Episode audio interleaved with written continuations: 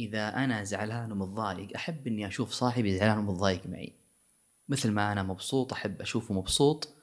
برضو في أوقات السوء والحزن والشدة لا يجي يقول لي ترى هونها وتهون والدنيا بسيطة ومدري إيش لا لا.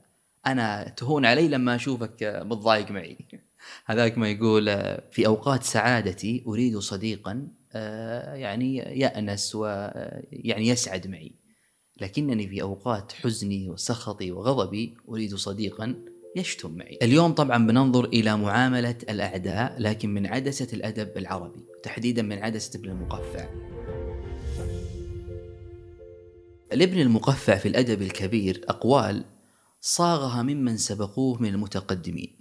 ولو تأملنا في هذه الأقوال والحكم واللطائف لوجدنا أنها واقع أحوال كثير من الناس. ومن هذه الأقوال واللطائف هي لطيفة التعامل مع الأعداء وكيف ينظر الإنسان أو كيف يتعامل الإنسان مع أعدائه. يقول مثلا في هذا الباب ليكن مما تنظر فيه من أمر عدوك وحاسدك. يعني كيف تنظر إلى إلى عدوك وحاسدك؟ أن تعلم أنه لا ينفعك أن تخبر عدوك وحاسدك أنك له عدو. لا تجي تقول ترى أنا عدوك و... و... وتجهز هذا العداء له فتنذره بنفسك. وتؤذنه بحربك قبل الإعداد والفرصة فتحمله على التسلح لك وتوقد ناره عليك. وصدق في هذا يعني إنه كثير من الناس أحيانا إذا عاداهم بعض الناس تجدهم هم في المقابل يعني يبينون ويكشفون لهم هذه العداوة. فتجد هؤلاء الأعداء يجهزون العدة لهؤلاء الناس وقد يعني ينتصرون عليهم بالأخير ل يعني لأنهم كاشفوهم ابتداء قبل ذلك بعداوتهم لهؤلاء الناس. واعلم أنه أعظم لخطرك. وأعظم لخطرك هنا يعني أعظم لمكانتك وهيبتك وقوتك واتقائك أن يتقيك العدو هذا أن يرى عدوك أنك لا تتخذه عدوا. يعني أنت لا تعبأ به أصلا. فإن ذلك غرة له وسبيل لك إلى القدرة عليه. وفعلا. يعني فإن ذلك غرة له يعني هذا مزلق من مزالق التي أنت تستطيع أن أن أن تدخل آه، من هذا إليه. وسبيل لك إلى القدرة عليه لأنه لا يراك أصلا عدو ربما يراك واحدا من الناس وأنت في الحقيقة عدو له تجهز عدتك إلى قتاله.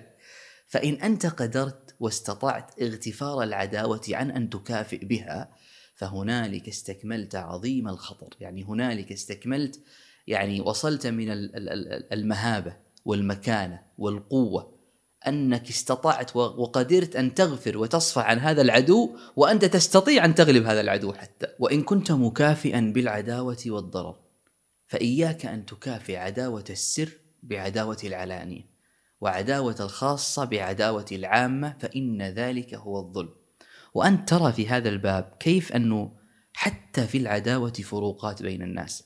فعداوة الإخوان الأصحاب أحيانا ليست كعداوة الغرباء وعداوة السر ليست كعداوة العلن. وتجد أن حتى الظلم مقرون فيها. فإن يعني عاديت آه، صاحبك بعداوة عدوك فأنت ظلمت هذه العداوة لصاحبك لأنك جعلته عدو غريب لك وهو أصلا صاحبك. في بينكم عداوة؟ لكن هذه العداوة ليست كعداوة البعيدين عنك. واعلم مع ذلك أنه ليس كل العداوة والضرر يكافأ بمثله. كالخيانة لا تكافأ بالخيانة والسرقة لا تكافأ بالسرقة. وتجد أن كثير من الناس اليوم يعني يواجهون العداوة بنفس العداوة. فإن يعني هو أحيانا جيد أن يكون لك موقف من كثير من الأمور من كثير من الأعداء حتى يعني أحيانا حتى مع ال يعني مع ال مع الأحباب مع القريبين جدا منك. يقول آه، وقسى ليزدجروا ومن يك حازما فليقسو أحيانا على من يرحمه فأحيانا يعني جيد أن أن أن أن, أن يكون فيك شيء من من المواقف مع كثير من الناس يعني. لكن بعض الأخطاء بعض المزالق مش بالضرورة أن أن أن يكافئ بمثلها. يعني إذا أساء إليك أحد من الناس جيد أن يكون لك موقف لكن مش جيد أن ترد هذه الإساءة بنفس الإساءة. ومن الحيلة في أمرك مع عدوك أن تصادق أصدقاءه وتؤاخي إخوانه. وهذه من الخبث صراحة يعني أن تصادق أصدقاءه وتؤاخي إخوانه. فتدخل بينه وبينهم في سبيل الشقاق الفرقة يعني والتلاحي الشتيمة يعني والتجافي. يبغضون بعضهم حتى ينتهي ذلك بهم إلى العداوة والمقاطعة. فتجد أن أصحاب هذا العدو يقاطعون صاحبهم لأنك فقط أنت دخلت بينهم. ثم يقول ولا تدع مع السكوت عن شتم عدوك إحصاء مثالبه ومعايبه واتباع عوراته يعني جيد أن تتغاضى عن شتم عدوك أن لا تبين له هذه الشتيمة وهذا العداء في صريح العبارة. لكن مع ذلك لا تنسى لا تغفل عن إحصاء مثالبه ومعايبه واتباع عوراته. يعني لازم تعرف عنه كل صغيرة وكبيرة. حتى هو يقول حتى لا يشذ عنك من ذلك صغير ولا كبير. يعني من عوراته. من غير أن تشيع ذلك عليه فيتقيك به ويستعد له. لأنه لو عرف أن هذه هي المزالق والعورات التي أنت فاطن إليها عليه. يصير هو يقوي هذه الجوانب فيه ويواجهك بها. ولا تتخذن اللعنة والشتم على عدوك سلاحا. ترى ما يسوي شيء. فإنه لا يجرح في نفس ولا منزلة ولا مال ولا دين. يعني لو شتمت من ال ال ال اليوم لين بكرة فإن ذلك لن ينقص من ماله ولا منزلته ولا دينه ولا نفسه شيئا. تعب نفسك أنت بس. وإن أردت أن تكون داهيا يعني آه، معروف بحنكتك وفطنتك ورأيك وهيبتك ومكانتك وجبروتك. فلا تحبن أن تسمى داهيا لا تخلي الناس يعرفون أنك داهية فإنه من عرف بالدهاء خاتل علانية يعني خدعوه الناس علانية أمام الناس في وضح النهار. وحذره الناس حتى يمتنع منه الضعيف ويتعرض له القوي. فيصير الناس كلهم يتكالبون على هذا الداهية لأنهم عرفوا أنه داهية. وإن من إرب الأريب يعني من تبصره من دهاء هذا الأريب وتبصره وتفطنه في الأمور دفن إربه ما استطاع دفن هذا الدهاء ما استطاع حتى يعرف بالمسامحة في الخليقة. أن الناس كلها تعرف عن هذا الرجل عن هذا الداهية عن هذا الإنسان أنه رجل سمح والاستقامة في الطريقة. فهو أصلا سمح معروف بسماحته لكنه معروف كذلك في المقابل باستقامته وحصافة رأيه أمام الناس. ثم بعد ذلك يتكلم عن السلامة من كل هذا ويقول وإن أردت السلامة فأشعر قلبك الهيبة للأمور. وهذا سبحان الله ترى حتى في يومنا يعني في حياتنا كذا العادية الطبيعية دائما إذا استشعرنا فعلا هيبة الأمور وهيبة الأحداث حتى وإن كان ما نقوم به ما نفعله عاديا طبيعيا سخيفا ربما في بعض الأحيان يعني لكن أقدرنا هذه الهيبة فعلا ترى نسلم وقد نتم هذه الأمور ونتجنب كثير من يعني من من من غربلتها. الشاهد يقول: وإن أردت السلامة فأشعر قلبك الهيبة للأمور من غير أن تظهر منك الهيبة، لا أحد يعرف. فتفطن الناس بنفسك وتجرئهم عليك وتدعو إليك منهم كل الذي تهاب. فقط لأنهم عرفوا يعني آه، خلطتك هذه. طيب كيف أسوي ذلك؟ يقول فاشعب لمداراة ذلك من كتمان الهيبة. فاشعب يعني واجمع كل رأيك.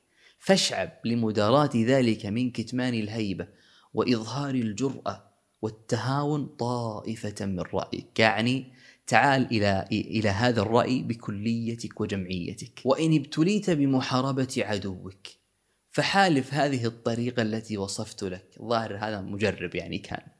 من استشعار الهيبة وإظهار الجرأة والتهاون وعليك بالحذر والجد في أمرك. يعني لازم تكون تحذر من جانب وتكون شجاع أيضا من جانب آخر. والجرأة في قلبك حتى تملأ قلبك جراءة ويستفرغ عملك الحذر. ويقصد أن كل شيء تعمله بعد ذلك أصلا أنت ما عملته إلا لأنك مخمخ عليه. واعلم أن من عدوك من يعمل في هلاكك ومنهم من يعمل في مصالحتك ومنهم من يعمل في البعد منك. فاعرفهم على منازلهم. وترى هنا لخص لك الأعداء. فالأعداء ثلاثة. واحد يعمل على هلاكك. يتمنى لك الموت اليوم قبل بكرة.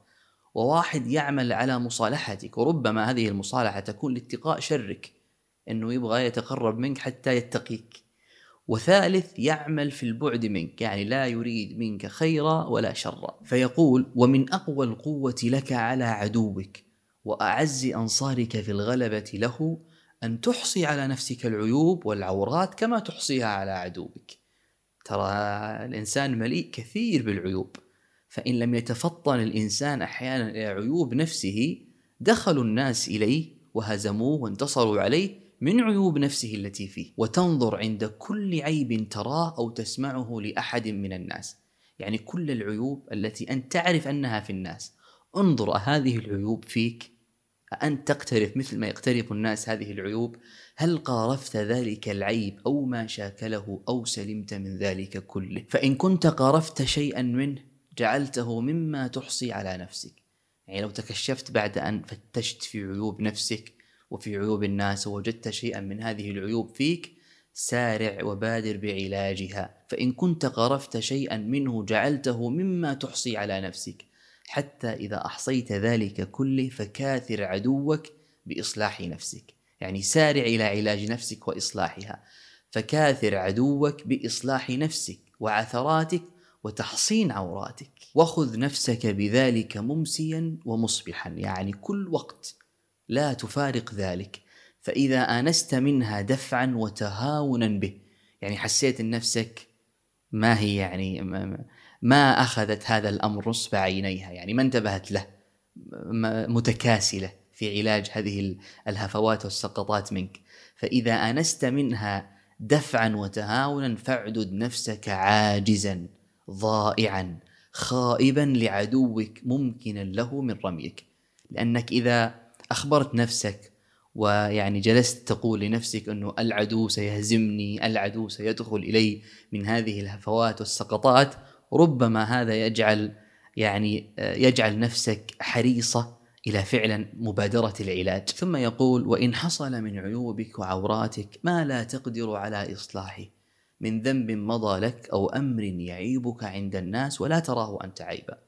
يعني الناس أحيانا آه، فيها من الطبائع والعادات أمور لا تستطيع أن تقومها. فإن كنت تعرف أن هذا في نفسك أو كنت ترى شيئا آخر الناس يروه عيبا وأنت لا تراه عيبا. فاحفظ ذلك ثم اجعل ذلك كله نصب عينك. يعني لا تجعل هذه الأمور تغيب عنك. واعلم أن عدوك مريدك بذلك فلا تغفل عن التهيؤ له والإعداد لقوتك وحجتك وحيلتك فيه سرا وعلانية. ثم يختم يقول فأما الباطل يقصد التوهم كل شيء خلاف ذلك فلا تروعن به قلبك ولا تستعدن له ولا تشتغلن بشيء من أمره فإنه لا يهولك ما لم يقع وما إن وقع اضمحل.